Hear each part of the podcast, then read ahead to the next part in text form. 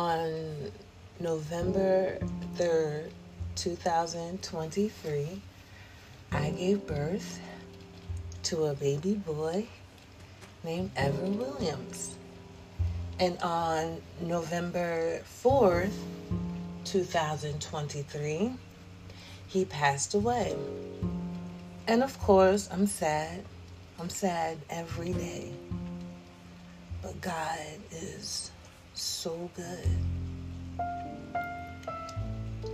When I was first told what was happening with my body, I I don't want to say I was rebellious, but I um you know, I had a bit of an attitude, not towards them, but I just I was a bit stubborn. But I prayed. And I don't know exactly what the prayer is or what prayer actually broke through, but I remember just surrendering not only to God and His favor and trusting His process, but to Emory Hospital. And so I was hospitalized for about two and a half weeks. And I know a lot of people don't like hospitals. I mean, I understand why. I'm not going to say I, I do, but I'm not going to say I don't because while I was there, like, I imagined this, this room being a hotel, and I was just being catered to and taken care of.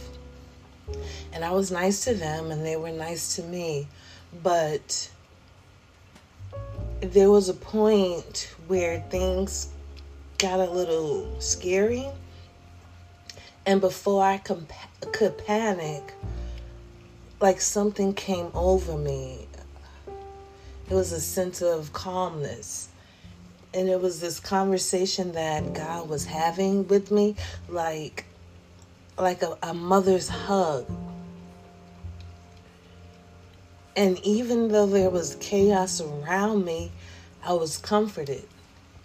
I knew that there was a chance this baby and I weren't going to leave out of this hospital. And I made peace with that way before it happened. But one thing I cannot forget is the ending. Everything was just so perfect. The right people were at the right place at the right time, willing to do the right thing. Only God Himself could illustrate something so beautifully. I mean, I'm a writer, I write children's books, I have a vivid imagination. I can turn a hospital room into a hotel, but I could not write this. Ever's dad and his side of the family and friends were there and present and hands out, willing to help. And Ever's mom, side of the family and friends, there, hands out, willing to help. And I'm just so grateful. But one thing I learned is how to be vulnerable. And as Christians, we have to practice that skill of vulnerability, just softening our hearts a little bit.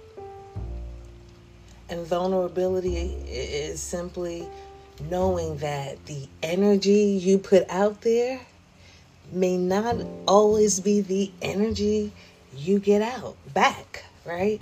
You can tell someone, I love you, I love you, I love you, until you blue in the face, only for this person to tell you that they feel the exact opposite.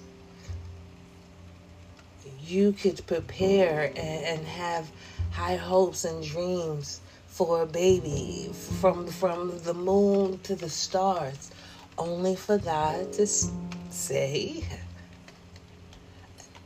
I have other plans.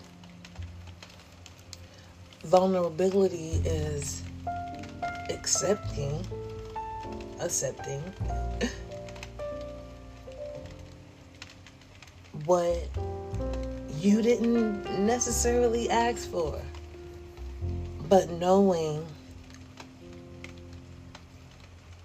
that there's going to be some beauty in here somewhere.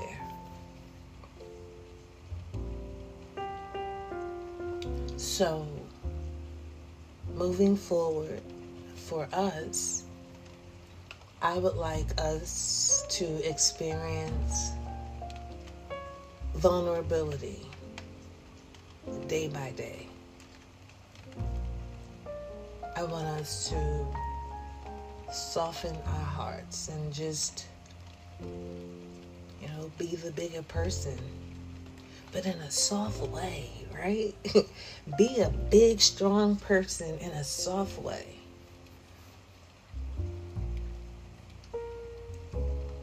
And telling yourself, this may not go as planned, but I'm okay.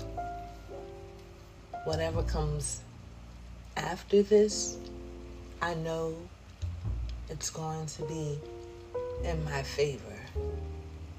I just have to stay, as they say, ten toes down.